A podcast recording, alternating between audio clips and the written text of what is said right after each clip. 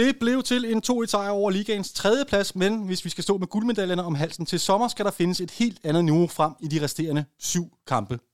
Ja, det skal der. Øhm, jeg synes, vi så trætte ud. Vi så, jeg synes, vi kæmpede godt, men vi så trætte ud, og vi møder et Viborg-hold, som, som lugter blod, og som vil sætte sig på den her tredje plads, og som spiller en rigtig, rigtig god kamp igen i parken. Hvis FCK skal blive Danmarksmester, så skal der virkelig skrues op for, for nogle ting på, på det relationelle, synes jeg. Mm-hmm. Og Karl Emil? Ja, jeg synes faktisk, kampen i forgårs viser, at øh, vi er tophold i og med, at øh, vi via to øh, individuelle topaktioner kan vinde en kamp, hvor vi faktisk i meget store dele af kampen er næstbedst. Øh, men jeg synes helt klart øh, også, at, øh, at, at kampen fik bekræftet, at der stadig at taktisk er nogle ting, der, der mangler nogle ting, der skal arbejdes på for at, at, at blive dom, mere dominerende i vores kampe.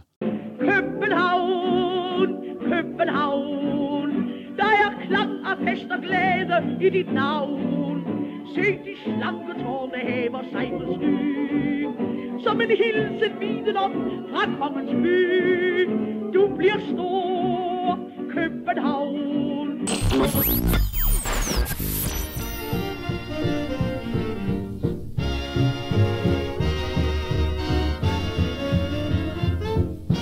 Velkommen til. Du lytter til Absalons Radio, hvor vi denne uge ser nærmere på den formnedgang, som vi befinder os i netop nu.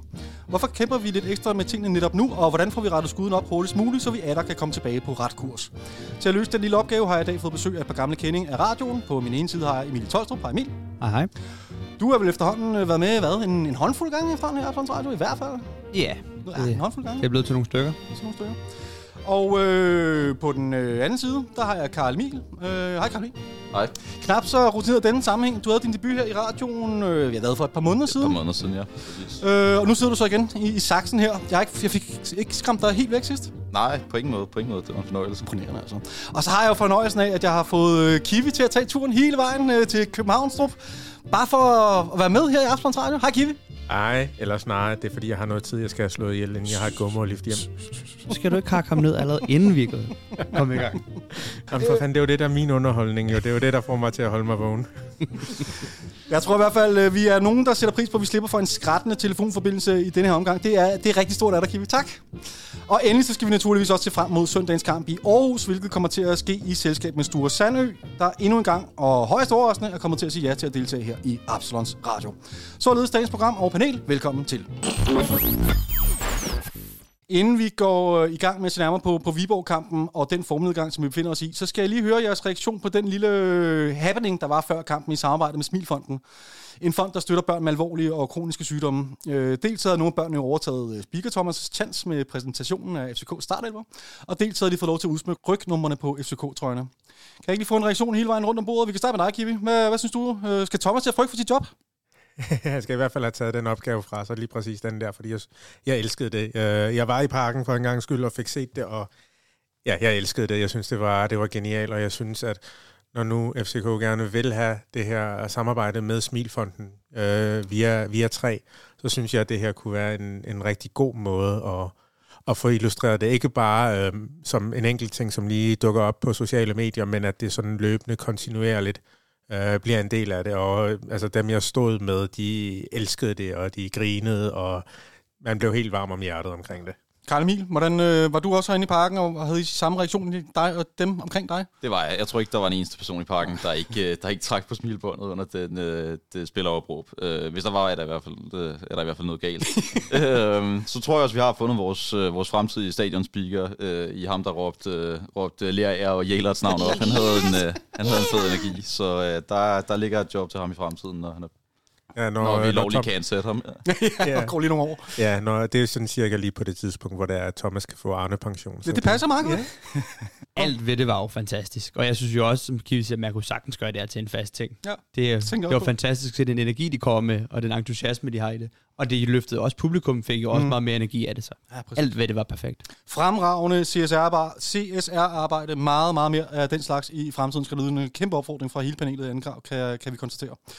Lad os kaste os, over begivenhederne på Grønsværen. Der er temmelig meget utilfredshed at spore i FCK fankredse oven på en øh, 2-1-sejr over ligens træer og en generobring af førstepladsen. Hører I også blandt øh, de utilfredse, eller synes I kritikken er lidt skinger med tanke på, at vi fører ligaen og lige har tangeret vores interne klubrekord for flest sejre i træk osv. osv. Emil? Altså, jeg vil sige, jeg sad og så kampen i går øh, igen, og der var jeg egentlig lidt ved bedre mod, end da jeg gik herfra. Der var selvfølgelig også i sin, i sin følelsesvold, Mhm. mm. men jeg synes faktisk ikke, vi var så dårlige, som jeg tænkte, da jeg forlod stadion. Vi var ikke gode, og vi har jo haft en periode på en, en par kampe, hvor det ikke har set rigtig godt ud. Men vi møder også et Vejlehold, og Vejle er i den grad med til at... Viborg. Nej, jeg slår ondt. Viborg. Og Viborg er jo i den grad med til at gøre os dårlige i den her kamp. De spiller fremragende. Øh, hvad siger I andre? Ja, men, øh, men øh, ja, jeg er meget enig. Altså, og Viborg nu er det en anden gang inden for, inden for en måned, at de kommer i parken. Og jeg vil faktisk næsten våge at sige, at øh, jeg synes, det er det bedste Superliga-hold, der har gæstet parken den her sæson. På trods af, at de har tabt begge kampe, men de har givet os øh, to utrolig svære kampe. Også den, vi spillede for en, for en måneds tid siden. Det var, det var bestemt også en, en, en vanskelig sejr, vi fik der. Øhm, og altså, der er intet, øh, der er intet tilfældigt i, at de ligger der, hvor de gør Nej. i ligaen. Det er, det, det er helt retvisende. Øhm, Med et af ligaens laveste budgetter. laveste budgetter, øh, og det er heller ikke, fordi det bare er et hold, der pakker sig ned og, Nej. og står og så scorer på en dødbold. Altså, det er taktisk, teknisk et, et, et, et, et rigtig kompetent hold. Ja, altså, de kommer med mod. Altså, man kan jo sige, de kommer virkelig ind og tror på, at de kan sagtens tage tre point herinde. De går direkte, altså for kampens start går de jo, går de jo bare mok, og så angriber de os uden nogen former for, for frygt, og vi bliver jo kyste med det samme.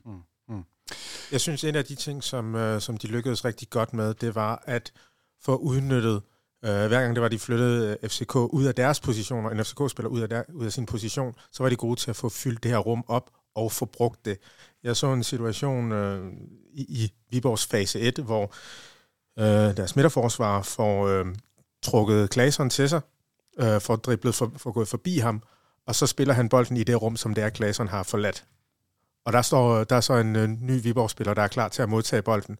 Så har man rykket sig forbi øh, noget af, af FCK's pres, og så står man lige pludselig længere frem på banen. Mhm. Og de var rigtig gode til at komme rigtig hurtigt frem på banen, og rigtig hurtigt frem omkring FCK's straffesparksfelt. Jeg snakkede med, øh, øh, med Viborgs øh, analytiker efter kampen, øh, Marius Fischer øh, fra Tyskland. Super fin fyr. Mhm. Øhm, og vi snakkede omkring det, og han sagde, jamen altså, vores plan var øh, det her med at komme hurtigt frem til, til feltet, men vi fik ikke udnyttet situationerne godt nok, fik han sagt. Og så får han jo også samtidig sagt, at det er jo igen det, der er forskellen på at have et budget, som det Viborg har, og så have et øh, budget på omkring 2 million, 200 millioner kroner, som Mm. FCK har. Karl Emil, det klassiske spørgsmål. Er det, er det Viborgs fortjeneste så mere end det er... Altså, er det også, der spiller en dårlig kamp, eller er det Viborg, der spiller en god kamp? For at skære helt ud, Bab. Ja, de to ting udelukker jo ikke, Nej, udelukker ikke hinanden, fordi vi spiller også en sløj kamp og laver for mange, øh, laver for mange uprovokerede fejl. Mhm. Mm-hmm. Øh, opspillet øh, er der nogle meget store udfordringer med at spille, øh, spille ud bagfra, så, øh, så, så, så det, er, det er begge dele. Øh, og, og viser måske, at vi øh, ikke, trods alt ikke er helt øh, så langt frem i den, i den spilmæssige udvikling under Nistrup, som sejrsteamen måske godt øh, kunne have ført os til at tro. Men så kan man så kigge på, jamen altså, hvordan er det, at FCK stiller op? Man stiller jo op med, øh, med William Klem på, øh, på sekserpositionen, og det ligger ikke så meget til ham at være den, der søger ned i banen, og så driver bolden frem i på samme måde, som for eksempel Rasmus Falk, øh, Rasmus Falk gør. Så det er forskellen der. Og så kan man sige, øh, altså, man kan jo egentlig begynde at tænke lidt over den her konstellation med, at man har Havgrøn på toppen, og Claesson som, som otter. Fordi Claesson er ikke typen, der også søger ned i banen og er med til at, at drive bolden på samme måde.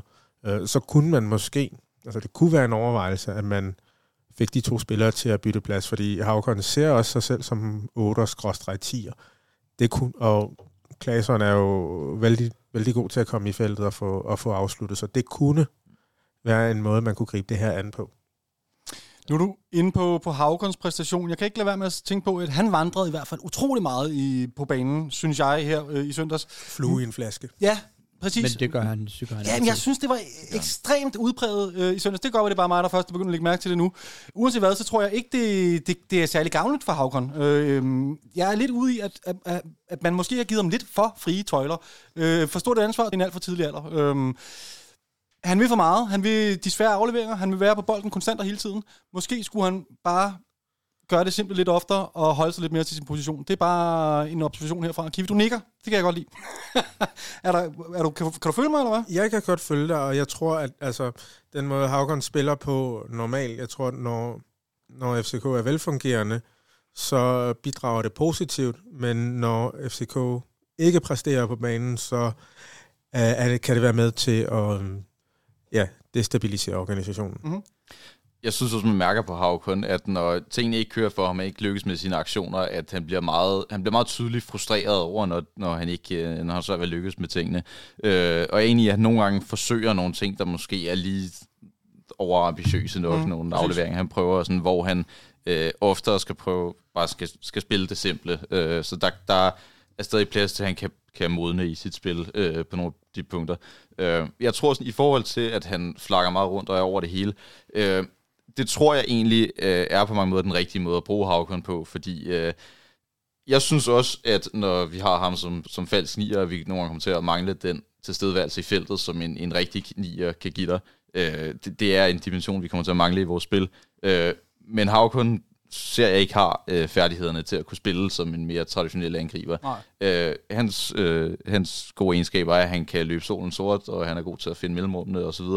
Øh, så, så jeg tror, han skal have en, egentlig en, en relativt øh, fri rolle på den måde. Kunne man, kunne man, kan du se en situation, hvor man både spiller med, med Havkon og Corner samtidig?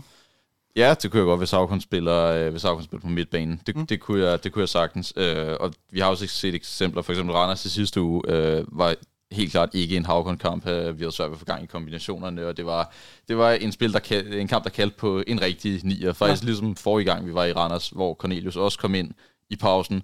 Og selvom han ikke scorede, så var han klart en game changer, fordi han bare gav modstanders forsvar øh, noget helt andet at forholde sig til. Vi spiller 20 rigtig gode minutter, øh, lige efter der rammer scoring til 1-0. Men derudover, så synes jeg, at Viborg er det bedste hold på banen. Er, er jeg for grov? Nej, det er du ikke. Nej? De, øh, de har stor ære den her kamp, og de har jo også måske 60 af, af den her kamp, sidder de på. Det er rigtigt, vi har efter Daramis mål, hvor han jo i virkeligheden kunne have scoret et hat hvis tingene var gået lidt ja. mere hans vej. Mm. Men det er efter minut 30, så, så falder vi lidt i kadence igen. Altså, det er jo en, en, en udtalt plan, som, som Næstrup har, har. Altså, at spillerne skal presse for at få den næste scoring, og den næste scoring, og den næste scoring så hurtigt som muligt, efter, det, efter der er, der er skal vi sige, kommet hul på, ja. på tuben. Men nu, nu, ser, nu ser vi så bare, når der er, vi, vi kigger på kampene, at man har ikke fået, fået kapitaliseret på det her momentum, der er lige efter en scoring. Um, det var der mod, mod OB, det var der mod Horsens, men det har der ikke været i de to kampe mod Viborg. Det har ikke været tilfældet mod, øh, mod FC Nordsjælland, og det var der slet ikke mod Randers. Jeg synes faktisk, der var det mod Nordsjælland. Der kom det ikke lige så med det samme, men jeg synes, at generelt efter vi fik scoret mod Nordsjælland, der løftede det hele sig et, et niveau over, hvad Nordsjælland kunne præstere. Hvilket men, også var derfor, vi vandt i den kamp. Det kom ikke lige som en ketchup-effekt med det samme, som det gjorde mod Horsens, hvor det jo bare var inden for men jeg, tror bare, men jeg tror bare, at her der er der taler om, om nogle andre ting, der spiller ind. Et, at øh, Nordsjælland bliver, bliver presset i bund generelt. Øh, ja. Og så også, at de må undvære Kian Hansen i anden halvleg. Ja, ja, det er også en, øh, en stor faktor. Øh, jeg har lidt en tese, som jeg lige skal teste af. Nu kigger jeg over på dig, Kiwi. Øh, jeg er glad for, at du er med i dag, fordi øh, nu skal jeg prøve at sidde og kloge på noget, jeg ikke har en dyt forstand på, men det har du. Altså, jeg har lidt en fornemmelse af, at vores formledgang, jeg ved ikke, om jeg vil sige udelukkende, men i hvert fald en del af den formledgang, vi ser lige nu, skyldes det fysiske. Altså vi, øh, og ja, nu må du endelig rette mig, når jeg siger noget vrøvl, øh, men vi ser simpelthen ikke ud til at have det overskud, som vi havde i starten af forårssæsonen. Det, det underbygger jeg også ved, at vi efter en time her i søndags allerede har brugt fire udskiftninger, hvilket må siges at være ret usædvanligt. Og øh, jeg mener, det koster på rigtig mange parametre, når man er i underskud fysisk. Øh, helt åbenlyst, så mister man selvfølgelig noget presspillet. Der er noget intensitet, der ryger der. Og det har vi efterhånden øh, rigtig meget erfaring med, er alt afgørende for vores spil, at hvis øh, presspillet ikke sidder 100% afstemt, jamen så, så spiller det ikke for os, og det, det gør det ikke lige for tiden. Men udover presspillet lider, så er man også mere tilbøjelig til at begå øh, personlige fejl, når man er i fysisk underskud. Øh, det gælder vel i virkeligheden både mentalt, øh, i form af dårlige beslutninger, men også rent teknisk. Altså, jeg tror måske, det vi ser lige for tiden med Havkon i de seneste par kampe, med, hvor han virkelig kæmper rigtig meget med dårlige førstegangsberøringer, dårlige afleveringer, dårlige beslutninger. Det er fordi, han er, han er blevet overbrugt. Og sidste ting her, det jeg så virkelig kan være bekymret for, det er, om vi simpelthen har peaked for tidligt i forhold til de fysiske parametre, og vi ikke kan nå ret op på det i den her sæson, på den, altså ja, før på den anden side af sommerpausen. Hvad siger du til det, Kiwi? er jeg helt på munden. Det er en meget lang smør i hvert fald, Mm. mm. du, lige har, du lige har fyret Jeg er af. os, godt. øh, ja, ja, det kan jeg høre. Du har siddet og lyttet til nogle af de ting, jeg har sagt mm. Mm. i tidligere udsendelser, kan, jeg- kan jeg også øh, fornemme, tage nogle af de punkter med. Øh, hvis vi kan tage... Vi skal starte fra en ende af. Hvis vi starter med, med Havkon, og du siger, at han måske er, er brændt ud. Han har jo fået rigtig meget spilletid i, i alle de her kampe, og man skal også huske på, altså jeg, jeg tror ikke, at han som sådan fysisk er, er udbrændt, men måske, at der måske er noget mentalt, øh, hvor det er, at han måske er blevet, er blevet lidt overbrugt, som det er, du, du siger.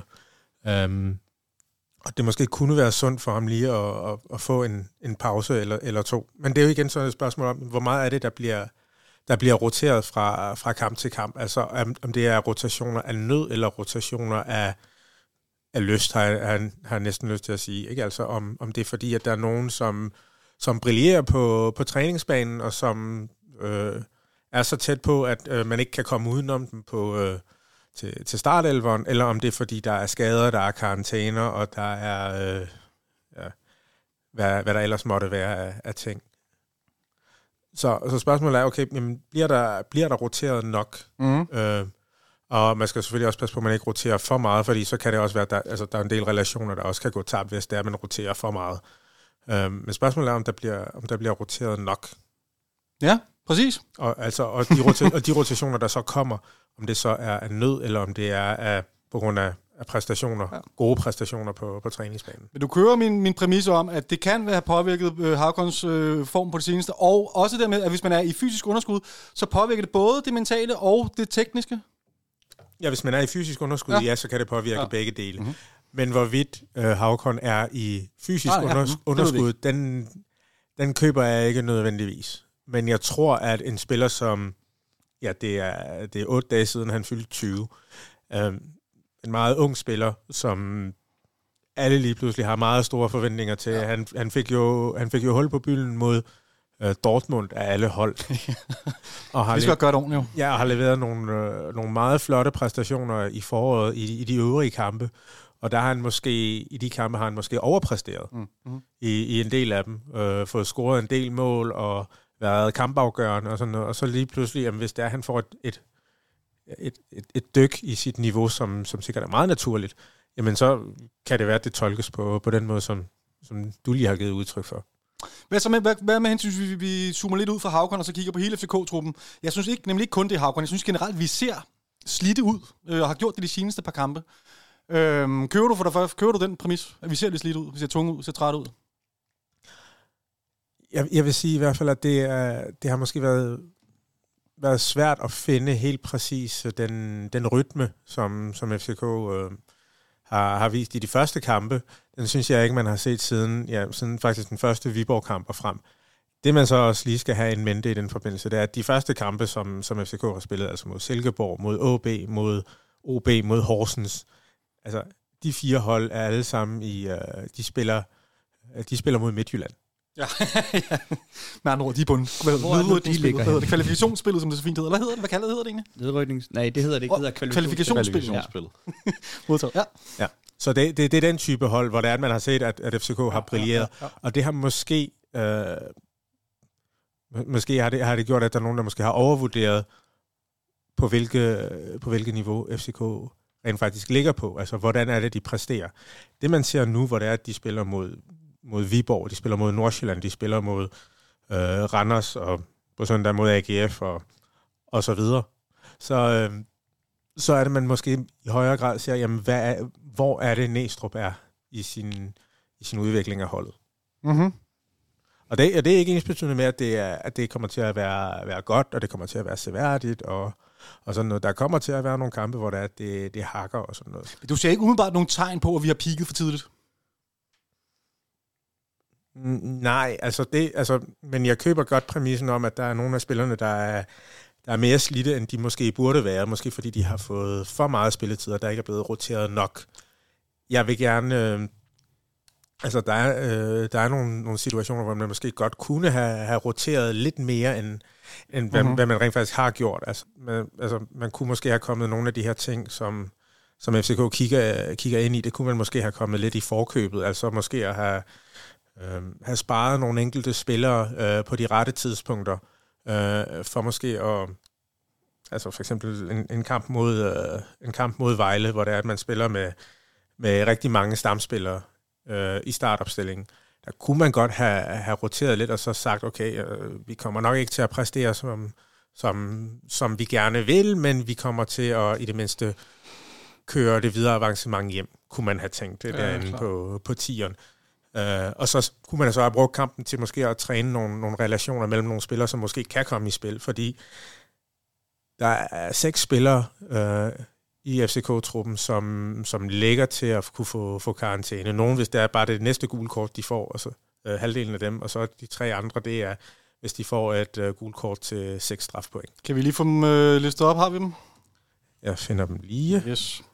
Ved, ved næste gule kort, uanset antal strafpoint, der er det Vavro, Stamenic og Klaarsson, der, der får en dag i skyggen.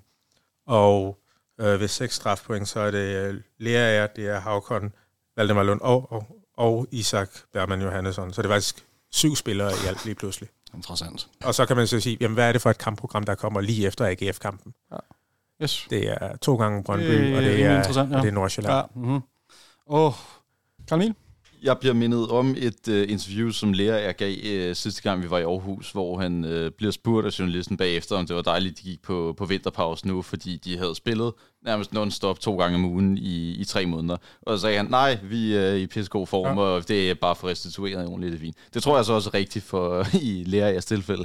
øhm, men, øh, men altså, jeg, jeg er i hvert fald lidt svært ved at købe, at, øh, at det hold med den suverænt stærkeste trupbredde i ligaen skulle være, skulle være decideret fysisk udkørt efter, øh, efter at spille 10 kampe på Men kunne man ikke det, hvis man har timet det forkert, Kiwi?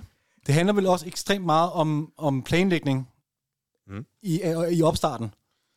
Som vi har snakket om tidligere, med, hvor, med, man kan time det, så man piker på forskellige tidspunkter osv. Hvis vi, man kunne vel godt være i en situation, hvor man af den ene eller anden årsag har fået proppet nogle forkerte tal ind i maskineriet, som har gjort, at øh, vi har fået rykket vores peak en måned frem. Det har vel ikke noget med, med trups værdien at gøre? Nej, altså som sådan, altså igen og igen, igen der er tale om, der er tale om mennesker. Altså, mm. øh, bare fordi, at en spiller, øh, en spiller er vurderet til 100 millioner kroner, og en anden spiller er vurderet til, til 10 millioner, så betyder det ikke, at øh, den spiller, der er vurderet til, til 100 millioner, kan løbe 10 gange ah, så langt ah. eller 10 gange så stærkt. Det kan godt være, at man måske har et teknisk niveau, som er noget højere, men der er stadigvæk en masse fysiske parametre, hvor du ikke kan sammenligne sådan en til en med, når men den her spiller er 10 millioner kroner værd, den her spiller er 100 millioner kroner værd, så kan du ikke sammenligne. Så at sige, at den her spiller så er 10 gange bedre på de her parametre.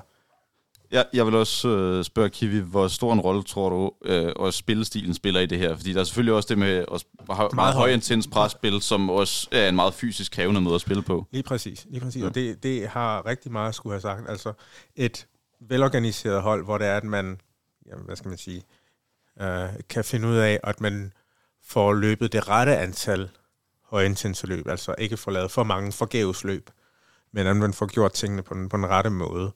Øh, der kan man, ofte sagt, man kan pakke sig noget mere, man kan have færre højintense løb og stadigvæk få nogle resultater. Det er ikke særlig seværdigt nødvendigvis, men man kan godt få nogle gode resultater på baggrund af det. Men hvis man har en spillestil, hvor det er, man er meget aggressiv, man har rigtig mange høje intense løb, man har rigtig mange sprint, øh, jamen det kræver også mere af, af spillerne. Det kræver også, at de er i bedre form, og det kan selvfølgelig også have noget at gøre med, hvor hurtigt de restituerer. Hvis det er, at de ikke er, er vant til det, eller, hvis, altså, eller det er bare en spillestil, der måske slider noget mere på spillerne. Denne uges udsendelse af Absalons Radio er blevet til i samarbejde med Sektion 12-foreningen. Så her kommer lige en lille opfordring til at gå ind og melde sig ind i Sektion 12-foreningen. Som medlem af Sektion 12-foreningen støtter du først og fremmest det københavnske fagmiljø og sikrer dets videre udvikling. Men øh, derudover så får du også altid fast rabat på busture til udekampe og på merchandise fra Sektion 12-boden. Endelig vil du også modtage invitationer til arrangementer, som kun er for medlemmer af foreningen. Et medlemskab koster kun 70 kroner om måneden, og indmeldelse sker på s12.dk.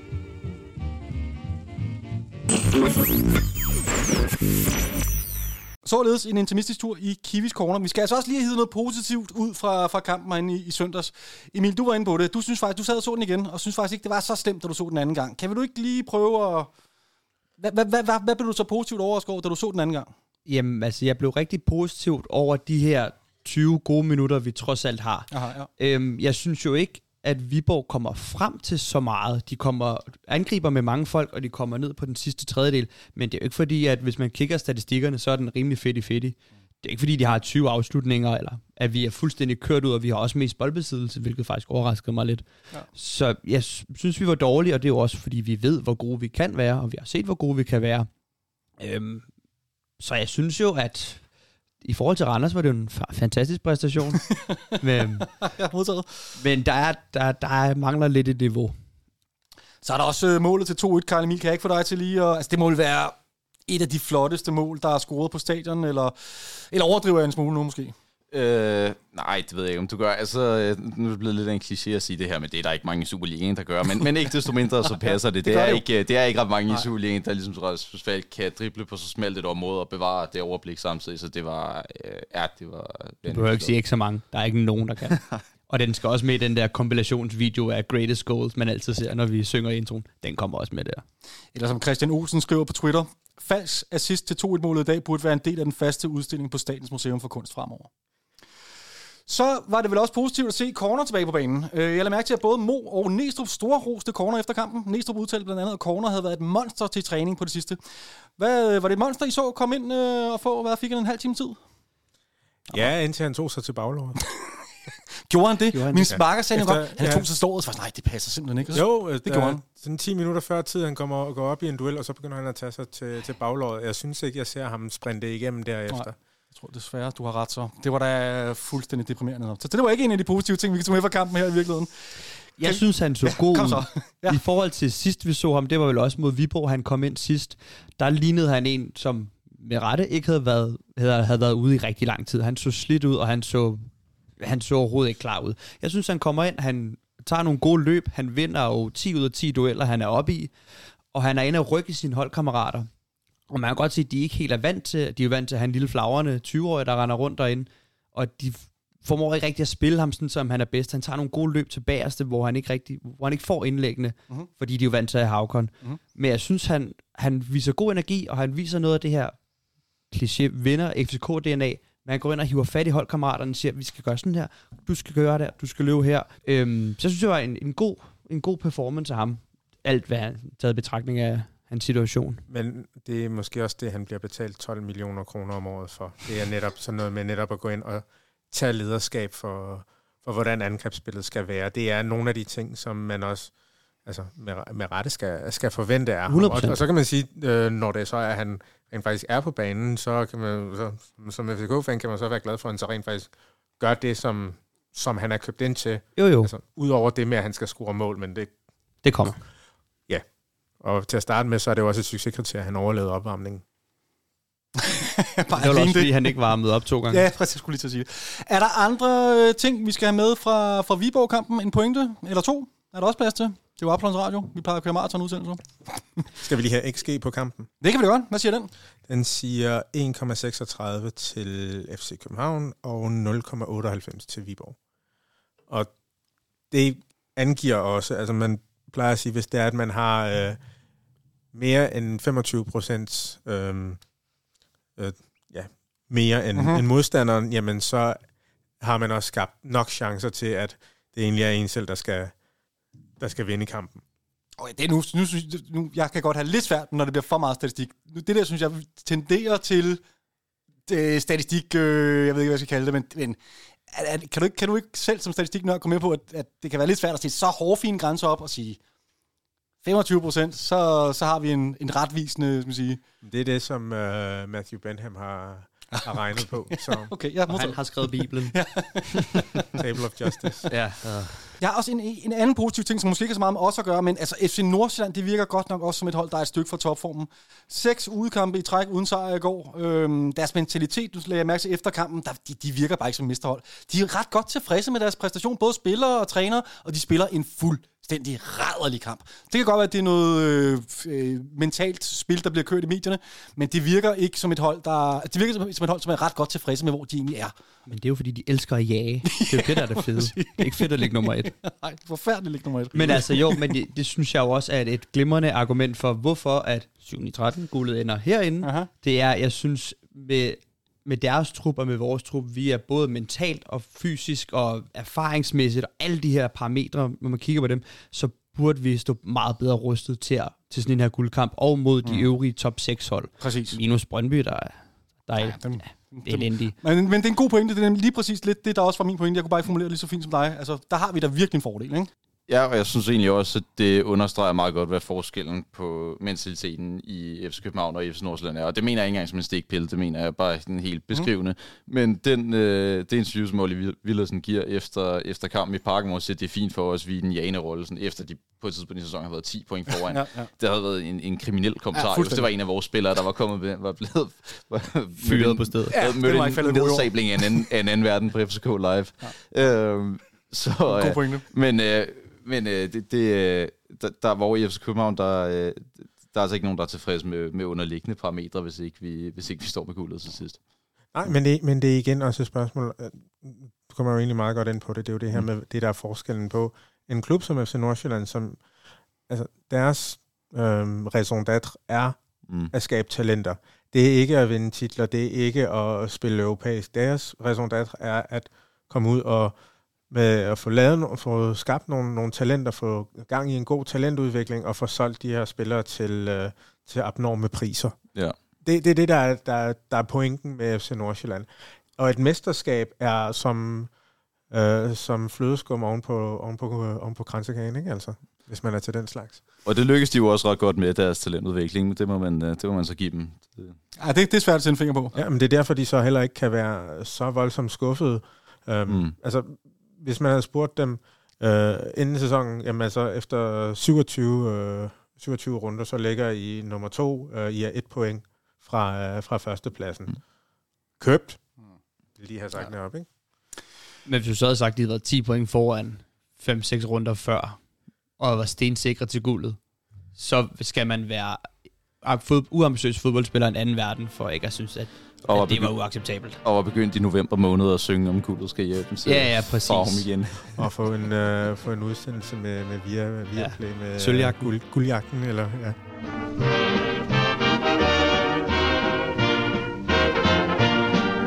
Inden vi ligger Viborg-kampen bag os, så kan vi også godt lige finde øh, plads til en uh, ultrakort tribune-snak. Øhm, der er jo lidt debat omkring, hvordan og hvorledes vi skal få øh, højnet stemning ind i parken, efter der er kommet det her koordineret hoppeforbud på sektionen. Og øh, jeg tror virkelig ikke, man skal undervurdere betydningen af, at der er sat en, øh, en midlertidig stopper for det her koordinerede hopperi. Altså, jeg synes godt, man kunne mærke en, en lidt flad stemning her i, i foråret, efter det her hoppeforbud er kommet på plads. Er der, er der nogen, der kan købe ind på den her? Er, er der kommet en lidt, er der nogen, der har bemærket, at der har været en lidt flad stemning her, eller er det bare mig? Altså, jeg synes, Viborg-kampen var, var meget flad, men jeg synes tit, så afspejler det også banen. Hvis de spiller elendigt, så synes Aha. jeg også, at folk plejer at stå og hænge lidt. Hvis Mhm. de fører 4-0 efter kvarter, så... Så man Men skal jo, måske passe kan- på med at lægge, øh, konkludere for meget ud fra... Altså, jeg tror ikke, det er ikke kun derfor, der er flere faktorer, men det bidrager helt sikkert også til, at der måske er en flad stemning, fordi det er sådan nogle af de øhm, sange, der kan få folk rigtig op i gear. Ja. Så Jeg det, synes- det tror jeg, der er en case. Jeg synes også, det her håbeforbud, altså, det er jo ikke, øh, det er jo ikke nogen hemmelighed. Der står også øh, en del på, på sektionen, som måske lige skal have øh, et løft for, Ja, at de rigtig kommer i gang med at, at, at synge og, og, og virkelig blive stemningsskabende. Øhm, og en effektiv måde for dem i gang har typisk været, når Carpus og alle tager fat om jeres sidemarker, og så øh, man begynder at, at hoppe, fordi så får man virkelig aktiveret, øh, aktiveret alle. Så nu, øh, den, øh, det værktøj er jo så midlertidigt fjernet lige Aha. nu, så, øh, så må man jo prøve at finde noget andet. Men, men jeg synes, det er... Jeg, jeg synes, stemningen lider et, et, et knæk under det. Det synes jeg. Man kan selvfølgelig gøre en hel masse andre ting for at højne stemningen herinde i parken, og i den forbindelse skal der lyde en kæmpe opfordring til at støtte op om alle de andre initiativer, der er til for at løfte stemningen herinde i parken. Og et af de initiativer, der kan slås et slag for her, er TIFO-gruppen, som netop nu har gang i en indsamling med et erklæret mål om at nå op på 200.000 kroner, så de kan sikre den bedst mulige visuelle opbakning til spillerne her i den vigtige slutspurt frem mod mesterskabets afgørelse. Det sidste, jeg hørte, var, at der mangler små 15.000 kroner for at nå målet, så hvis du ikke allerede har sendt et mønt i deres retning, så er det bare med at fatte mobilen og overføre et valgfrit beløb på Mobile Pay 710 300. Og det var Tifo-gruppen MobilePay 710 300. Og nu når vi er ved den her snak omkring øh, tribune, tribunesnakken, Emil. Du var lidt inde på, at du har, du har, set en, du har oplevet en, en ændring i dem- demografien på sektionen, eller hvordan har det Skal jeg forstå det her? Ja, jamen jeg vil jo gerne slå et slag for kvinderne på tribunen. Fordi ja, det er jo sådan, at jeg står jo primært på sektion med rigtig mange kvinder. Mm. Det lyder rigtig godt, når man siger det. Det er det ikke nødvendigvis. Øhm, og de blev interviewet i søndags til søndagens kamp på BT, fordi der har været den her stigning af kvinder. Og der er kommet et større fokus på det. Og derfor vil jeg også gerne slå et slag for, at grunden til, at der også har været det her kæmpe tilskuerboom, ikke bare hos os, men generelt i Superligaen, er jo også fordi, der er kommet mange flere kvinder på stadion, som får, hvad hedder det, som resultat er også, at der er jo bare mange flere kvinder, der interesserer sig for fodbold. Der er mange små, flere små piger, der begynder at gå til fodbold. Og det er jo bare en fantastisk øh, kurve, Mm. og en fantastisk stigning, der er i det. Mm. Så det er jo det er bare skide godt arbejde. Så en kvinder. hyldest, En hyldest til kvinderne, der står fodbold. Hermed øh, videregivet. Gilvik? Det kommer jo kun til at blive forstærket, når det er, at, øh, at vi får nogle rivaler øh, herindefra. Jeg vil sige, at kvindefodbolden har jo også fået et kæmpe boom rundt omkring. Og når jeg siger vi, så er det jo selvfølgelig HB Køge, jeg mener jo. Nogle af de erfaringer, vi har gjort os i, øh, i HB Køge, har været, at øh, lige så snart, at vi har haft det her kvindehold, og de har været meget aktive ude i, i lokalområdet, og været øh, gode til måske også endda, øh, vi har set nogle af, nogle af seniorspillerne, de rent faktisk har været hen og tage nogle, øh, nogle træningssessioner med nogle af, af ungdomsspillerne blandt øh, på pigeholdene, og dermed også været med til at skabe noget, noget hype omkring, øh, omkring kvindefodbolden. Altså, vi har set rigtig mange tilfælde, hvor det er, at øh, der har været øh, små piger på de her 9-10 år, som har stået langs banderne og se og sagt, ah, det er hende, der jeg, jeg har trænet, som har trænet mig og, og sådan noget. Ikke? Og det er jo, hold kæft, hvor er det også bare en dejlig ting at se, når det er, at, der er, at øh, de har de her rollemodeller, som rent faktisk er ude og, øh, skal vi sige, skabe noget nærhed.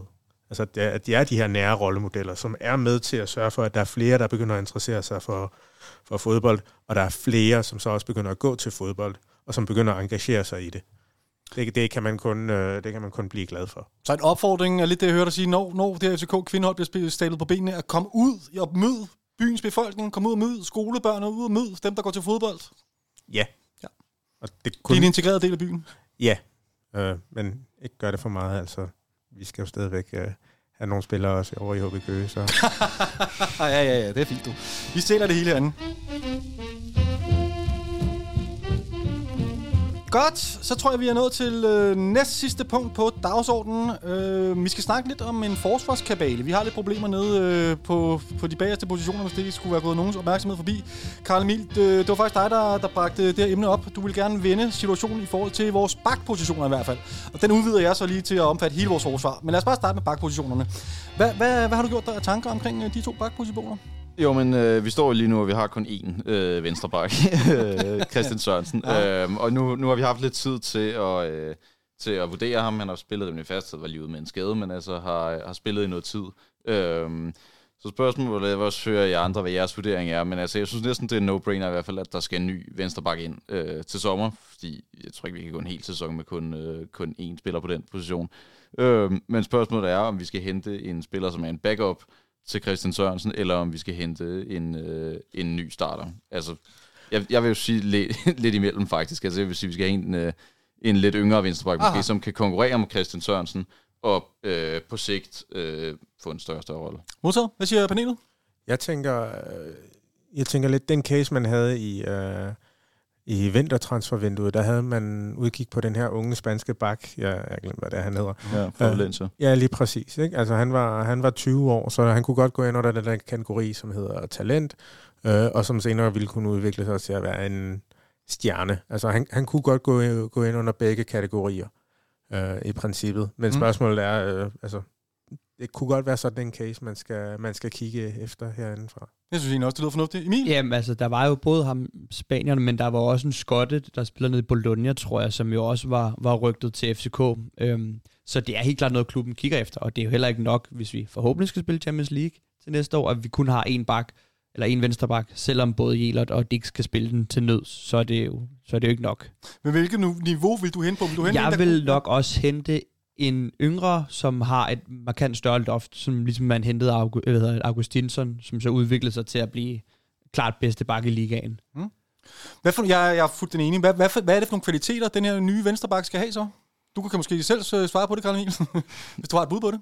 Øh, jo, men man kunne jo passende hente en venstreback, der kunne, øh, der kom, kunne komplementere øh, Christian Sørensen lidt og har måske, hvor Christian Sørensen øh, har en, øh, en rigtig god indlægsfod og en god pasningsfod i det hele taget. Øh, meget, meget sikker med bolden. Øh, det må den øh, næste venstreback, vi henter, selvfølgelig også godt være. usikker venstreback. Nej, nej, vi skal have, en, us- vi skal have en, en øh, vi skal have en teknisk ringe øh, venstreback. Nej, vi skal, vi skal øh, men, øh, men måske en, som, øh, det kunne godt være mere en Victor Christiansen type, som måske øh, er lidt stærkere i en mod en forsvarsspil, eller øh, lidt mere fysisk. Ja. Men det kommer også an på, hvad man har af, af venstre kant på, på det Mm. pågældende Ja, er tidspunkt, fordi du skal selvfølgelig også have en spiller, der kan komplementere. Hvis vi nu antager, at det er Diogo, der spiller den venstre kant øh, på den anden side af sommerferien, hvad tænker du så, hvad for en type vil komplementere Diogo godt? Jeg vil se Ja. med lidt mere power, lidt mere fart, end Christian Sørensen har. Ja. Fordi Ja. Diogo er jo en god dribler, men han er ikke verdens hurtigste. Så det er måske meget godt at have en eller anden, der kan tage de her grønkær vendt overlap Aha. med, med 100 km i timen. Altså en venstrebenet udgave af Peter Ankersen. Spørgsmålet er, hvad, hvad der så egentlig er til rådighed på. Nu har, nu har vi snakket om, om venstre bakken, ja. men spørgsmålet er, hvad er situationen på, på højre bak efter, øh, efter sommerens transfervindue? Altså, det kan jo sagtens være, at der kommer et stort bud på, øh, på Elias Jælert, og så ved man, og hvad er situationen på, på Dix? Er han tilfreds med den rolle, han har på nuværende tidspunkt? Jeg tror, altså, hvis Ankersen er så tæt på, på spilletid, som han har været her på, på det seneste, så tror jeg godt, han vil blive det sidste år af sin kontrakt ud. Øhm, så ikke, altså, der kan være rigtig mange ting, der, der kommer i spil der. Så er spørgsmålet, jamen, så skal, man, skal man være klar til at købe et eller andet? Altså, bliver det relevant?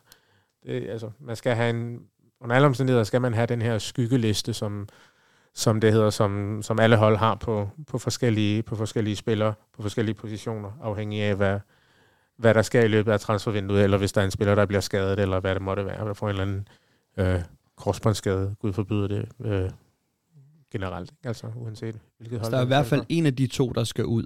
Ja. Og lige nu må Ankersen jo være andet valget på højre bakken.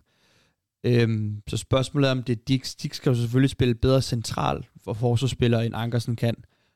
Og det er jo ikke læng- længere tid siden, end at vi alle sammen sad og tænkte, at Ankersen kommer aldrig til at spille igen for FCK. Så det kan jo gå ret hurtigt Mm. mm. for en Kevin Dix. Det kræver ikke mere end en god præstation eller en, en skade. Gud forbyde det. Men der er en af de to, der skal ud. Måske faktisk i virkeligheden begge. Alt efter hvor tilfredse og hvor tilfredse de er med at sidde på bænken.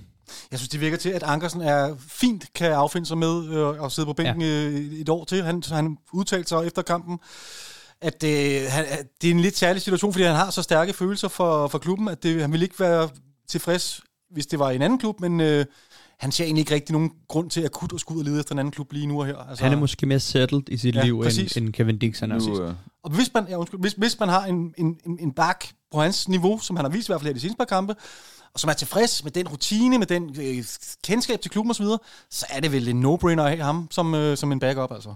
Ja, altså nu har, nu har Peter Angersen også, som jeg husker det, et år tilbage på sin kontrakt mm. efter, efter den her sæson, og han får jo, øh, må vi antage, en ret øh, fornem løn også i, øh, i FC København. Det, nok, det kan nok være lidt sværere for ham, øh, også i sin alder, øh, så skal det være fra USA eller lignende, ja. hvis det er en, en, en klub, der, der vil betale øh, den løn, han får her. Ja. Øhm, hvor øh, Kevin Dix øh, har nok mere en, en alder, hvor han øh, synes nok ikke, det er så fedt øh, at skulle sidde på bænken et år mere. Øh, han, han vil nok gerne ud og, og spille. Og har tro. også mere interesse end, altså Ankersen kunne højst sandsynligt finde nogle jyske klubber, eller måske rundt omkring i Norge eller Sverige. Der burde være nemmere at få, få afskibet Kevin Dix. Og så vil jeg også sige, øh, hvis nu vi skulle gå hen, og det håber jeg virkelig ikke, øh, miste Elias Jelert øh, til sommer, der skulle komme et, øh, et, øh, et, et stort bud på ham øh, fra England for eksempel, øh, så er der jo øh, nogle muligheder. Der er jo blandt andet en, øh, en Rasmus Carstensen, som jeg synes var, var, var fremragende i Silkeborg. Øh, han har haft et lidt mislykket ophold nede i, øh, i Genk, men altså, det kunne vel godt være, være en mulighed. Ja. Men, men, altså, men han, han, øh, han vil nok gerne være førstevalg, så, så jeg tror kun, den bliver aktuel, hvis vi sælger Jelert. Så er jeg måske mere på, at man rykker Hjalte Bistrup op. Fortæl lidt, sæt ord, Ja. på, på Hjalte Bistrup. Mads Bistrups lillebror, rigtig talentfuld højre bak, spiller på, er det U17 eller U19 på nuværende tidspunkt? Jeg tror muligvis lige, han har rykket op på vores U19, faktisk. Fik Ja. også spilletid i går i mod Lønby. Men han kunne godt være et, øh, være en, man rykker, rykker op som, den, som en af de næste inden for de næste et til to år, der bliver rykket op i A-trup. Okay. Så kan det være, at vi har løsningen inden for egen rækker jo altså. Det er jo det, Det er jo gået som meget godt strategien- indtil videre. Det er jo det, som strategien jo også går ud på. Det er Ja, ja, netop, at, at man udskifter øh, Ja. løbende med, med egne talenter, egne spillere. Så kommer vi til hele spørgsmålet omkring, om vi har været en smule... Altså, jeg har set folk, blandt andet Tipsbladets chefredaktør Troels Tøresen, men også FCK-fans, som mener, at der primært bare er tale om sort uheld. Altså, vi bliver ramt på, på netop de positioner, hvor vi er allermest udsat. Øh, men altså, jeg mener stadig godt, at man kan tillade sig at stille sig lidt kritisk i forhold til, om truppen var stærkt nok besat fra start af. Og, altså, hvad siger I? Det virker til, at det... Altså, du var, du er inde på det her, Kiv, ikke? Du var også inde på det før, Emil. Øhm, det virker til at være et klart valg, man har taget i forbindelse med den her nye strategi. At sortere lidt ud i de dyre reserver, erstatte dem med unge talenter. Men i realiteten, så synes jeg bare, det virker til, at man bare har skåret de dyre reserver væk, men ikke erstattet dem med nogle andre, fordi de unge talenter var der jo også i truppen før. Altså, hvis vi går tre år tilbage, så har vi i stedet haft en Valdemar Lund i truppen, så har vi bare haft en Ruben Gabrielsen eller, eller en anden backup i forsvaret, som måske havde været rigtig rar at have i en situation, som vi står i lige nu. Så er pengene så brugt på at blive betalt for Andreas Cornelius' løn. Ja, præcis. Men det er jo lidt, det er jo lidt der, vi er, ikke? Så han skal i forsvaret. så Han har også fysikken. Eller i hvert fald staturen. Vi havde også Og der, snakket er, dengang... der, med- er- der er jo færre højintense løb og sprint hos... Øh, Ja, der er den jo, der ligger bare lige stå store og have ben, den væk. altså. Hvad siger I? Altså, Ah, er, det, er det for højt spil, jo. eller hvad? Er det, øh, ja, er det for satset, eller... Altså, Altså, man, man, man kan jo sige, hvor, hvor mange midterforsvarer vil man normalt have, have brug for, for at have til rådighed. Um, og igen, så kommer det jo også an på, om man spiller med, øh, med to midterforsvarer, eller man spiller med tre midterforsvarer. Mhm. Mm-hmm. Og FCK har jo spillet med begge dele i løbet af sæsonen. Man spillede med, med tre midterforsvarer på hjemmebane mod City, for eksempel. Um, og så siden da, så er Bøjlesen blevet skadet og, og er ude for resten af sæsonen. øh. det vidste vi godt før vinterpausen jo. Ja, lige præcis, lige præcis. Så, så tænker man, okay, jamen så har man øh, fire spillere til, til rådet, altså Ja. fire, øh, ja, fire midterforsvar, ikke? Altså, øh, Kusulava, Vavro, Valdemar Lund. 3,5 med Dix. ja, hvis man så tæller Dix som den fjerde. Øh, og så kan man spørge, jamen, er det nok? Mm. Nej, så skulle man måske have haft en mere til rådighed. Der kunne man for eksempel have lavet en, en lejeaftale for at have en ekstra backup. Mm. Bare lige fordi, altså, øh, øh, Krutulava og Vavro er jo øh, ikke lige frem de to, jeg vil forbinde som øh, de mest sendagtige. og heller ikke Valdemar Lund for den sags skyld. Så altså, når Krutulava får så mange øh, tæsk i løbet af, i løbet af kampene, øh, men så vil der jo også komme til at være nogle, øh, øh, nogle skader på, på baggrund af det, og Valdemar Lund har jo også vist sig at være lidt... Øh, øh, modtagelig over for, for skader også, så man kan jo, Og det sad vi jo allerede og snakkede om herinde i vinters. Vi vidste jo godt det. Der var mange, der råbte vagt i gevær. ja, så skulle man måske være, være sikker på det, fordi hvad nu hvis tingene lige pludselig sker samtidig? Ja, præcis. Man, man kan jo sagtens forestille sig, okay, jamen, så sker det nok på det og det løbende fordelt hen over sæsonen, men det ved man aldrig. Altså lige pludselig, så kan der være flere, øh, flere uger, hvor der ikke er noget som helst, og så lige pludselig, bum, så er det hele, så er det hele der på en gang. Og Khotulava er ude i otte uger.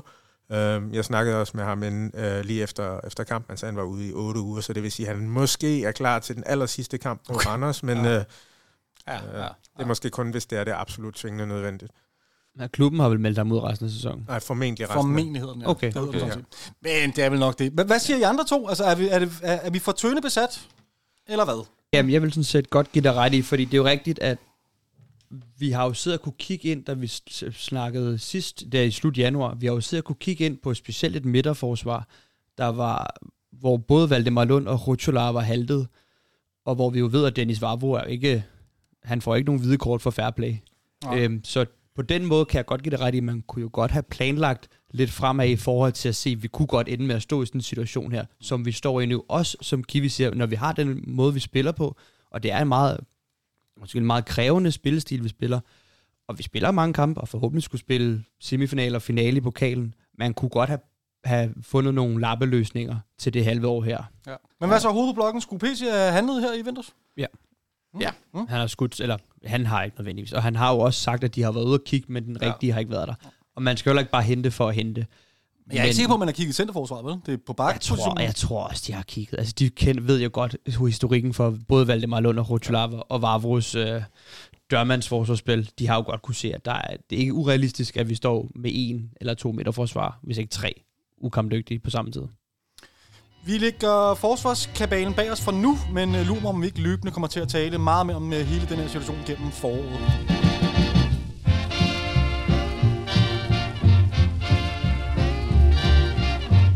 På søndag kl. 18 lyder startfløjter til endnu en sindssygt spændende affære, hvor vi skal have tre vigtige point med hjem fra Aarhus. Vi har som vanen tro allieret os med en fan af modstanderholdet, der kan gøre os lidt klogere på, hvad der foregår bag fjendens linjer. Og i denne uge går det så ud over øh, journalister og AGF-fans Sture Sandø. Jeg tænker, vi starter med lige at give ham et kald. Goddag, Sture. David fra Absalons Radio her. Hej, Goddag. Passer det nu her, Sture? det er så fint. Først og fremmest, alt vel? Ja, Hvordan er humøret her oven på forårets første nederlag? ja det er jo det. Øh, og så lige til, til dem derude på Vestegnen. Det er jo ikke det, det sjoveste. Mm-hmm. Men, øhm, men det er jo faktisk en af de bedre kampe, AGF har spillet øh, her i foråret. Så, øh, så rent spillemæssigt er jeg egentlig ikke så nedtrykt. Det var egentlig mere resultatet, som... Ja, det er sgu bittert, når man, øh, når man ikke får point med, når man, er det, når man ikke er det næstbedste hold. Hvad gik der galt? Fordi nu så jeg ikke kampen, men jeg kan forstå på alle, alt og alle, at øh, I fuldstændig dominerede Brøndby, men alligevel så må I gå fra, fra kampen med 0 point. Var det bare ren og skær sort uheld, eller hvordan? Nej, altså der er jo nogle ting i spillet, som, som halter. Øh, og det er øh, først og fremmest at få skabt chancer i åbent spil. Øh, og det lykkedes jo så sådan set i den her kamp, men det blev så bare ikke omsat til mål, hvor øh, Patrick Mortensen han plejer at, at være mere effektiv, end han så var. Øh, og det blev jo så udslagsgivende, men, men det positive var, at, det, at de der chancer rent faktisk blev skabt, og det lykkedes at presse Brøndby øh, i bund i, i lange perioder. Øh, og så kan man sige, ja, nu er det længe siden, I har mødt Brøndby, men, øh, men det er jo ikke et Brøndby-hold i den, i den bedste forfatning, øh, vi har set dem i nogensinde. Nej. Øh, det kan vi vel godt sige. Ja, det kan vi roligt sige. Jeg kunne godt tænke mig at blive en lille smule klogere på, på Uwe Røsler og, øh, og den forvandling, AGF har været igennem under ham. Altså, øhm, ja, stærke defensiv springer selvfølgelig øjnene. Med 22 mål lukket ind i det Mm. hold, der kan indkassere færre mål i hele ligaen. Er det virkelig bare den her klassiske med en træner, der kommer ind og får styr på defensiven som det første, og så følger resultaterne? Eller er der også sket en udvikling længere frem på banen? Og jeg synes, det er øh, en kombination af flere ting faktisk. Fordi, altså sådan som jeg forstår Uwe Røsler, han har jo trods alt kun været, været træner for AGF øh, siden i sommer. Men, men sådan som jeg forstår ham, så er han ikke, det er ikke fordi, han er en, en specielt defensivt funderet træner. Jeg tror bare, det er der, han har set, at der har været en, en stor styrke i holdet, øh, i kraft af, af de spillere, der nogle gange har været til rådighed. Øh, og så har det gjort rigtig, rigtig meget, at han øh, har sat defensivt op på den måde, som han nu har med tre øh, centrale forsvarsspillere, og så nogle øh, wingbacks, som ja, det kan hurtigt blive til en fembackkæde, men det kan i den grad også blive til, til alt muligt andet. Altså fordi både, øh, øh, hvad hedder det, Jan Bisek, øh, og så den, der spiller øh, over i højre side, som for tiden er Mølgaard, fordi at øh, Thomas Christensen, Thomas T.K. Christensen er, er skadet. Øh, Øh, ja, altså vores TK, kan man sige, ikke? Øhm, men, men de to har også mandat til at, at lave, øh, lave lange raids op ad banen, øh, og altså, Bisek har jo, altså han har jo scoret øh, pænt med mål, på trods af, at han er, han er centerforsvarsspiller, og det er altså ikke kun på, øh, på standarder, hvor han er blevet sat op. Ham her, Bisek, kan vi ikke lige dvæle en lille smule ved ham? Jeg tror, der er mange, der er interesseret i, i, øh, i ham her. Hvad... Øhm, der, der er sikkert mange, der gerne ser ham skifte Aarhus ud med København, men er det på nogen måde realistisk med tanke på de øh, tyske bejlere, der angiveligt også er ude efter ham? Det tror jeg ikke. Nej. Altså han spiller jo som, øh, han er i hvert fald, jeg ved ikke om han fast er kaptajn på det tyske U21-landshold, men han har i hvert fald båret anførerbindet her i den seneste øh, landskampsperiode, og er jo en profil, som jeg tror, man sidder nede i Tyskland og ærger sig lidt over, at man lod gå øh, fra Køln. Øh, og har, nu har han ligesom fået, fået vist, hvad han kan på et, øh, på et vist niveau, og jeg tror ikke, at øh, vi skal regne med at se ham spille ret mange kampe i Danmark øh, efter den her sæson. Det, det, det tror jeg simpelthen ikke, at øh, det er realistisk. Lige for at vende tilbage til, til Uwe og jeres træner, er han, ser du ham som en, en, en, jeg tror der var mange, det gjorde jeg i hvert fald selv, så ham som en, en, en brændslukker i starten, men jeg tænker, at de fleste i Aarhus vil meget gerne se en længere overrække under Ruslers ledelse øh, med de resultater, der er vist af det spil. Øh, brændslukker tror jeg ikke. Øh, det har jeg i hvert fald ikke tænkt på noget tidspunkt, men jeg, jeg var meget spændt på at se, hvem der kom efter David Nielsen, fordi han var så elsket Mm-hmm.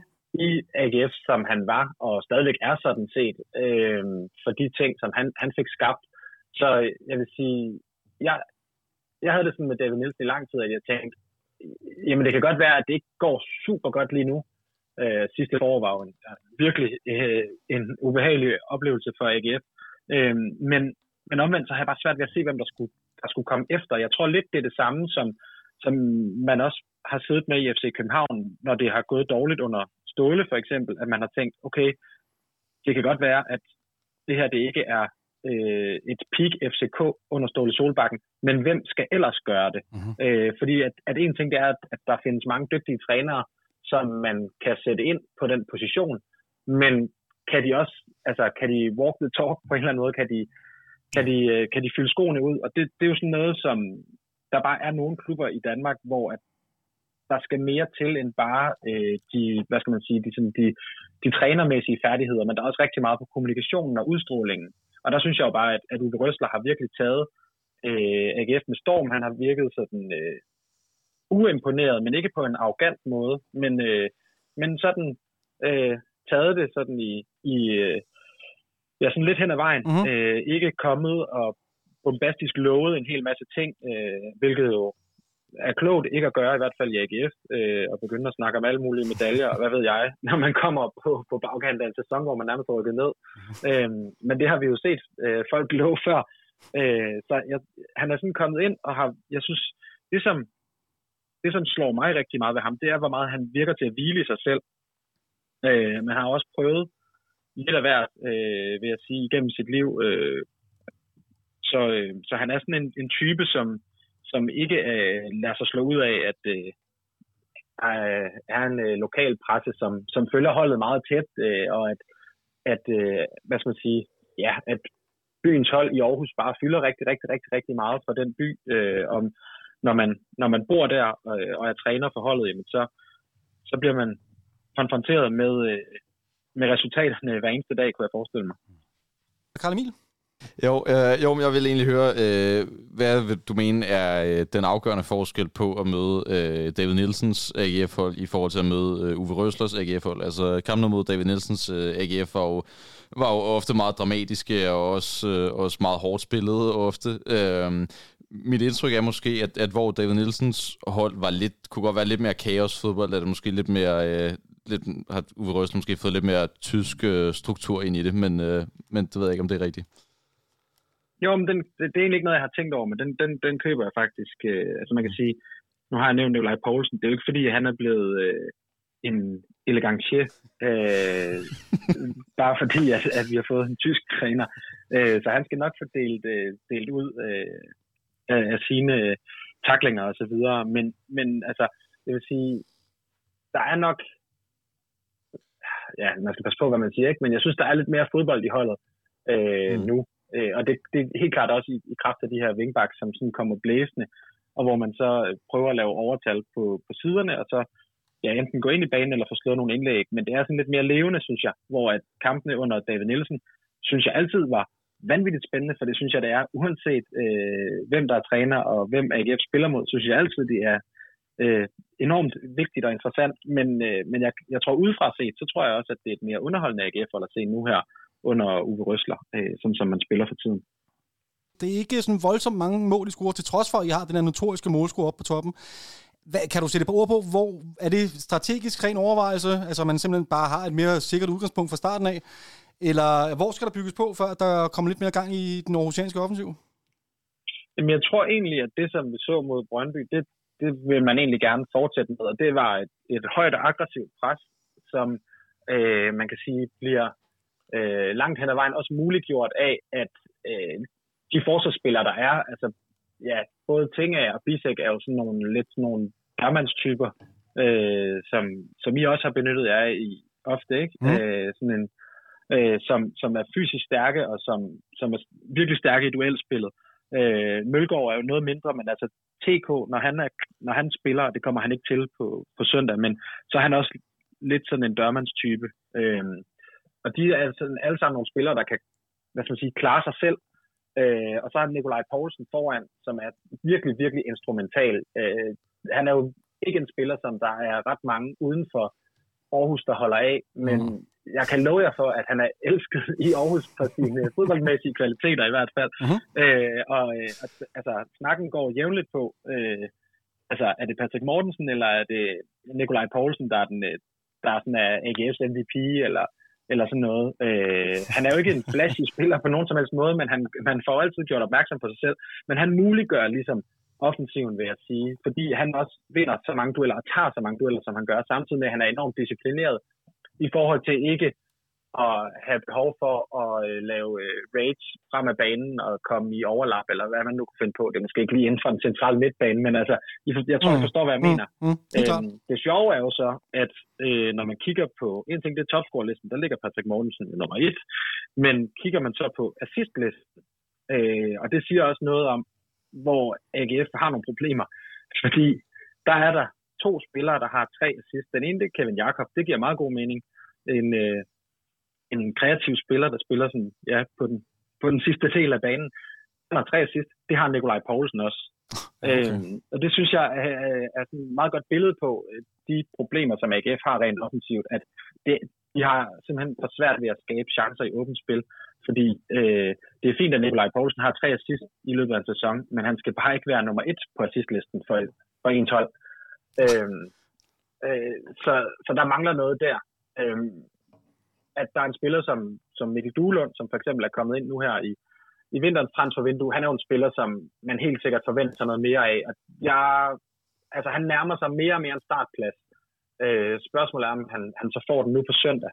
Men øh, han har været skadet, så det er sådan et, øh, Okay. ja, sådan et forløb, hvor han ligesom er på vej tilbage og for, mod, mod Viborg for to kampe siden fik han kun et par minutter, og nu fik han nogle flere minutter mod Brøndby, og, og har gjort det fint. Øhm, så altså, selvom, selvom AGF faktisk har spillet, øh, spillet okay uden ham, så, øh, så er han i hvert fald en spiller, som er tiltænkt en startplads, når han er på 100%. Det er der ikke nogen tvivl om. Okay, klart.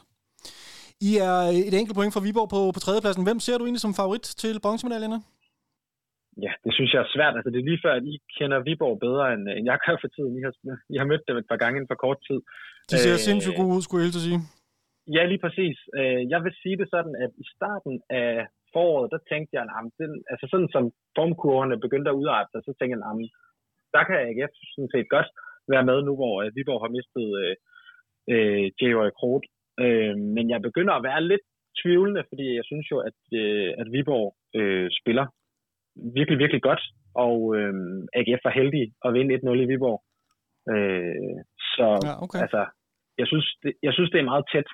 Øh, og man kan sige, at AGF har nu mødt i, øh, her i, i den sidste del af, af turneringen. Vi har jo kun mødt øh, Viborg, Randers og Brøndby. Altså, så på den måde de nemmeste hold på papiret mm-hmm, i hvert fald. mhm. Øh, så nu venter der jo øh, ja, FC København og så Nordsjælland bagefter. Ja. Og hvis det bliver til 0 point i de to kampe, hvilket jo slet ikke er urealistisk, jamen så kan Viborg jo øh, meget vel have taget, taget flere skridt. Og så og efter de to kampe, så er vi jo halvvejs gennem, gennem øh, mesterskabsspillet, og så, så må vi se der, men jeg, altså, hvem er favoritter? Øh, jeg tror faktisk, at Viborg er en lille smule favoritter. Øh, men, øh, men det bliver tæt, det tror jeg også, det gør. Lad os zoome ind på kampen på søndag. FCK har, har vundet de seneste fire kampe i Aarhus, og AGF har faktisk kun vundet en enkelt på hjemmebane mod FCK siden 2009. Det var en 1-0 sejr på et selvmål af Kalle. Hvem, hvad, altså, hvad taler for, at AGF vinder den her gang? Jamen, du har næsten selv svaret på, at det er svært at finde, øh, finde ret meget. Altså, øh, Der er ikke meget optimisme Altså- at spore. nej, det er, det er der ikke. Altså, jeg synes, det ved jeg ikke. Jo, men altså, så skal man jo, altså, man skal hænge sin hat på, at, øh, at FC København måske, det er jo så jer, der, der er mere eksperter i, i det, men jeg er, men altså, har været måske lidt hakkende på det sidste. Mm-hmm. Øh, og øh, altså, der er vel nogle spørgsmål i defensiven, tænker jeg, Ja. øh, i forhold til, hvem der er klar, og, øh, og nu kan jeg ikke faktisk øh, huske præcis, hvordan det står med karantænerne, men øh, er, der, er de ikke kun i karantænefare? Øh, Vi har... Jo, de er kun det? i karantænefare. Øhm, Ja. FCK har syv spillere i karantænefare på nuværende tidspunkt. Ja. Ikke, Men desværre ikke nogen ikke, nej, men det er ikke en god ting at gå ind til, uh, til en kamp mod AGF med, når det er, at man har Brøndby mod, uh, som modstander i næste, den efterfølgende runde. Nej, det er en god pointe. Den sidder selvfølgelig i, øh, i baghovedet hos jer. Øhm, ja, altså både Valdemar Lund og Dennis Warbo, ikke? blandt andet. Mm. Øh, og så samtidig med, med skader og så videre. Så jeg ved ikke, altså man kan sige, øh, det at Næstrup ikke har så mange valgmuligheder, øh, lige præcis på de positioner, kan jo selvfølgelig godt være, være et plus for AGF. Men altså, grundlæggende så vil jeg sige, det handler om for AGF at komme ud og, og fortsætte med at, øh, at prøve at, altså, at, ja, hvad skal man sige, det, det er jo lidt svært at sige, om de, at de skaber kampen øh, bare i kraft af, af, af et højt pres, men øh, det er i hvert fald det der høje pres, som jeg synes, at, øh, som er interessant, og specielt på hjemmebane mod et hold som FC København, hvor man kan sige, ja, altså, AGF spiller for at, at, at vinde de der bronzemedaljer, og der er man jo nødt til ligesom at komme ud og, og kæmpe for det. Øh, det bliver sådan lidt floskelagtigt, men sidste forår, da man lå og bare blev ved med at tabe og tabe og tabe og spille uafgjort, der havde man også lige pludselig kniven på struben, og den nærmede sig mere og mere. Her der kan man sige, det værste, der kan ske, det er, at vi ikke vinder bronze. Øh, og så er det sådan, det er. Men de skulle nødt til at komme ud og spille deres chancer, og det tror jeg helt klart også, at de kommer til. Øh, så, jeg, så jeg håber bare på, at det, det, jeg tror ikke, det bliver, jeg hverken tror eller håber, at det bliver forkrampet. Altså jeg tror helt klart, at det bliver, øh, at det bliver frisk fodbold ud over stepperne, og det, det tror jeg egentlig er, er den vigtigste faktor i forhold til at, at kunne spille frit mod et hold som, som FC København, som jo, på trods af, at de så måske ikke lige har ramt øh, peak-niveau, øh, stadigvæk er et vanvittigt godt hold. Jo. Så lad os sige, der mangler 20 minutter, den står 0-0. Hvordan tror du så, Uwe Røsler, han vil dirigere sine tropper? Altså, så tror jeg, han vil han gerne vil dirigere dem frem øh, og, og prøve at, at score et, øh, et afgørende mål. Men omvendt har vi bare set, at AGF har faktisk ret, ret svært ved i de der øh, i den sidste del af kampen, det er der, at man klart har lukket flest mål ind. Øh, så, så det er sådan lidt en speciel øh, hvad skal man sige, situation for AGF, fordi at det sidst har været den der afsluttende fase af kampen, at det måske er, er gået fra at være en sejr til en uafgjort. Øh, men ja, altså øh, igen, altså AGF har alt at spille for. Der er mm-hmm. ikke rigtig noget at tabe. Nej, nej. Øh, så, så på den måde, så tror jeg ikke, at man er så bange for at gå ud og tabe en kamp til FC København. Øh, nej, det, det, det har jeg svært ved at se. Hvad, hvad er... Øhm, hvad vil, øh, hvad er AGF-fans, eller hvad vil du være mest bekymret for, for, for kampen på, på søndag? Hvad frygter du mest ved FCK? Øh, at øh, Darami han øh, fortsætter sit, øh, sit niveau, øh, som vi har set her på det seneste. Det, det synes jeg godt kan blive et problem, også fordi at øh, nu har jeg snakket om de her forsvarsspillere, som, om deres kvaliteter øh, for AGF, men problemet er måske også lidt, at øh, sådan nogle hurtige, øh, meget øh, mand mod mand øh, stærke typer, øh, kan de måske godt have lidt sværere ved. Så øh, altså, Darami i, øh, i spilhumør, det kan godt blive øh, lidt en hovedpine for, øh, for AGF. Jeg, jeg, kommer, jeg kommer ofte til at tænke, når der er, jeg ser et hold, der spiller med en firebakkæde kontra et hold, der spiller med en uh, trebakkæde, skråstrej en fem, fembakkæde, at ja. øhm, øh, holdet med øh, fire i bagkæden, de kan meget ofte komme til at lave en, en to mod et situation øh, ude, på, ude på kanten øh, og få sat øh, vingbakken skakmat. Øh, hvordan, øh, hvordan ser du jeres øh, baksituation rustet på, til, øh, til den her kamp, og frygter du, at øh, Darami kommer, kommer forbi der og kommer i en en mod en mod jeres øh, centrale forsvarsspillere? Det er et dårligt svar. øh, fordi, men det er jo også bare fordi, at, at, at Darami på det niveau, øh, som han har vist på det seneste, er jo bare øh, altså, en af Superligans aller, allerbedste spillere. Øh, uden at jeg sådan lige vil gå ind i og rangere dem. Det, hvem der lige, lige er de allerbedste, men på dagen kan han da, kan han da snilt være den bedste. Mm. Øhm, så det, det synes jeg jo er, altså, det er et sted, hvor jeg tror, at, at man måske vil se, øh, altså øh, fra Uwe Røsters side, hellere se, at man så falder en lille smule, end at man øh, buser op på ham, når, øh, når han kommer. Øh, fordi det kan, det, der kan man hurtigt komme til at blive spillet tynde, så tror jeg. Så var du lidt på, øh, i næste runde har I så FC Nordsjælland. Øh, temmelig vigtig opgave også set med vores øjne. Hvordan vurderer du jeres chance for at have point på, på kunstgræsset? Er det et sted, I normalt har det godt? Nej, det vil jeg ikke sige. Nå. Øh, det det Okay. synes jeg er en ærlig snak. Ja, det er det da. Øh, men, øh, men nej, altså det er, det er, det er tit nogle meget åbne kampe, men der er det jo generelt tit, øh, dem Nordsjælland spiller. Øhm, men øh, hvad hedder det? Nej, det, Det er ikke det, noget, jeg har den som bedste jeg, statistik. Nej, altså vi skal tilbage til ja, 2019 for at finde en sejr. Okay. Øhm, men øhm, Ja. Hvem ser du så er det- som øh, favorit til, til guldet lige her til aller, aller sidst? Jeg ved ikke, hvor meget du har set Jamen, FC Nordsjælland og FC København, men øhm, Jo, jo. Nej, men det, det ser jeg øh, helt klart øh, FCK til, til at være. Altså, det, det, har, det synes jeg egentlig, jeg har... Jeg ved, jeg har sagt det hos en anden FCK-podcast, øh, også efter, øh, det var så efter øh, OB-kampen, jo, hvor alting spillede, men, Ja. men, øh, men der lå I i hvert fald ikke nummer et endnu. nej, okay. Øh, Mhm. jeg, ja, altså man kan sige, Nordsjælland kan jo godt underspille den en lille smule. Øh, der er ikke de samme forventninger til, at de skal tage mesterskabet. Jeg tror bare også, det spiller rigtig meget ind, at FC København er en klub, der er vant til at føre de her ting i, øh, i garagen, altså de her mesterskaber. Øh, og der, der tror jeg bare, at der er så mange sultne spillere, som, øh, som har også har kvaliteten til at gøre det. Øh, og så synes jeg også, at parken er blevet, altså, er, øh, altså med den udvikling, der er på lægterne, er det bare øh, også en fornøjelse at se, øh, og jeg tror helt klart også, det betyder rigtig, rigtig meget i forhold til de resultater, som, som FC København skaber.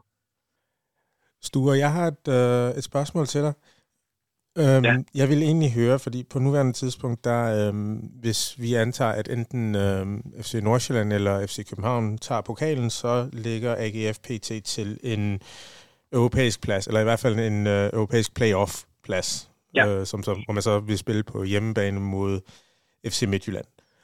Ja. Hvis vi antager, at øh, den ender med en, en hjemmesejr, så skal AGF lige pludselig ud i Europa igen. Ja.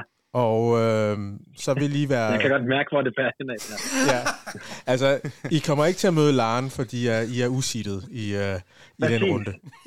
Så, Lige nøjagtigt. men jeg Ja, ved... men Men jeg vil, mig, det er blevet debatteret på AGF for allerede. okay, jamen... Uh, man, man må jo nok forvente, at på det tidspunkt, der er Bisek nok rådet. Så jeg vil egentlig ja. Ja. gerne høre, hvad, hvad har I at bidrage med i forhold til den europæiske kampagne i næste sæson, hvis det skulle blive jer? Stærkt. Jeg vil sige det sådan, at jeg tror, at, øh, at det, jeg kan garantere, det er, at, jeg, at AGF vil komme med en, øh, en massiv opbakning på lægterne.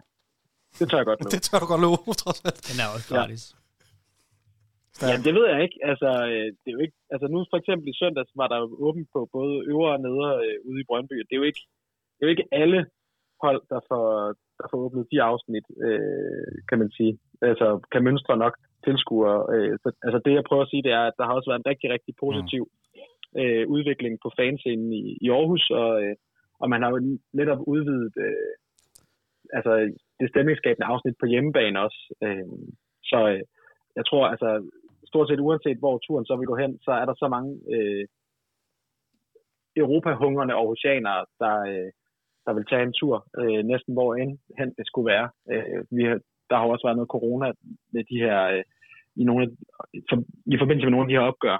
Øh, så, øh, så, så der er mange, der, der, har, der har sat noget ind på rejsekontoen og er klar til at tage afsted.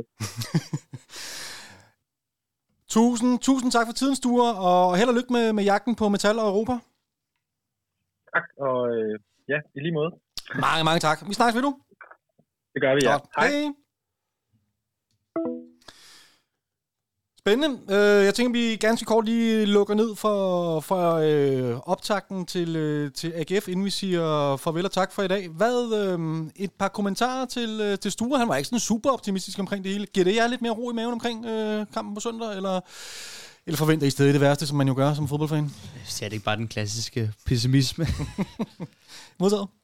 Hvad siger I andre? Ja, det tænker jeg også lidt den klassiske øh, jyske ydmyghed. Øh, taler sine chancer øh, en lille smule ned øh, før kampen. Det, det, det ser man ofte. Altså, jeg synes nu, øh, nu taber AGF godt nok øh, mod Brøndby her. Jeg så kun anden halvleg, men, men øh, det, det var lignede i hvert fald ikke, at det 1-0 var et ret vist resultat overhovedet. Så, øh, så ej, jeg, jeg, forventer en, jeg forventer en ret øh, vanskelig kamp, og jeg tror heller ikke, der kommer, jeg tror heller ikke, der kommer mange mål. Jeg tror på en øh, 1-0 eller 2-0 sejr til det hold. Kiwi, dine øh, forventninger til kampbilledet? Jeg tror, det bliver en, øh, en meget tæt affære. Jeg forventer også et, øh, en målfattigt opgør. Øhm, hvilken vej det svinger, det jeg har næsten lyst til at sige, at det måske er, kommer an på tilfældigheder, fordi der, hvor AGF er stærkest, er måske også der, hvor, øh, hvor FCK halter lidt i øjeblikket, og vice versa, der, hvor AGF er svagest, og der, hvor FCK er stærkest. Ja. Så jeg tror, jeg tror, de to hold kommer til at øh, lukke meget ned for, for hinandens spil. Det bliver jo måske i, eller i virkeligheden meget som Viborg-kampen. To lige hold, hvor vi så forhåbentlig har kvaliteten og har de bedre spillere, der vil i en, en enkelt eller to situationer vil kunne afgøre det. Jamen det kan sagtens øh, være, at det egentlig bare kommer i sidste ende kommer, kommer an på øh, den enkelte spillers individuelle kvalitet og dagsform. Et, øh, har I et bud på, på en startopstilling? Ikke fordi vi skal gå gennem det hele, men er der en ændring eller to øh, i forhold til, til Viborg-kampen måske? Jeg tænker sådan en, skal, skal, skal Havgården have den pause nu, eller hvad? Jeg synes godt, man kunne, øh, man kunne give ham en pause, og så have Falk til at starte på, øh, på midtbanen, så man både har Klem og Falk samtidig. Hvad får vi med de to sammen? Først og fremmest får man, øh, man får Falk længere frem på banen, og det vil sige, at han kan komme ind i de rum, hvor det var, han kombinerede, som, som man så mod, mod Viborg. Og jeg tror, at Falk længere frem på banen bliver farligere for, øh, ja, bliver en farligere modstander for alle hold. Ja klart. Og man får måske lukket lidt ned for Klems lidt mere åbenlyse mangler i forhold til farter og boldberøringer og, og mm. mangel på samme ved at have en, en falk inden. Som også, kan træ- som også kan trække ned i banen og, ja. og være med til at, at støtte op på den måde. Og som også giver mere plads, fordi der vil jo naturligt højst sandsynligt være en til to mand tæt på, den, på, på Falk. Fordi de godt ved, at han kan ja. de ting, som han nu kan. Og det giver jo også mere plads til, til en klem eller en, hvem der nu ellers er derinde. Og man kan så også sige, hvis man så har Klaseren op foran som, som den falske nier, jeg tror, han har måske bedre fysik til at kunne øh, stå over for det, det midterforsvar, som AGF stiller med. Altså med, med Bisek og Tingager og... Hvad med corner? Ikke endnu. Ikke endnu. Det er alt for risikabelt. Alt for risikabelt. Han kommer Ja.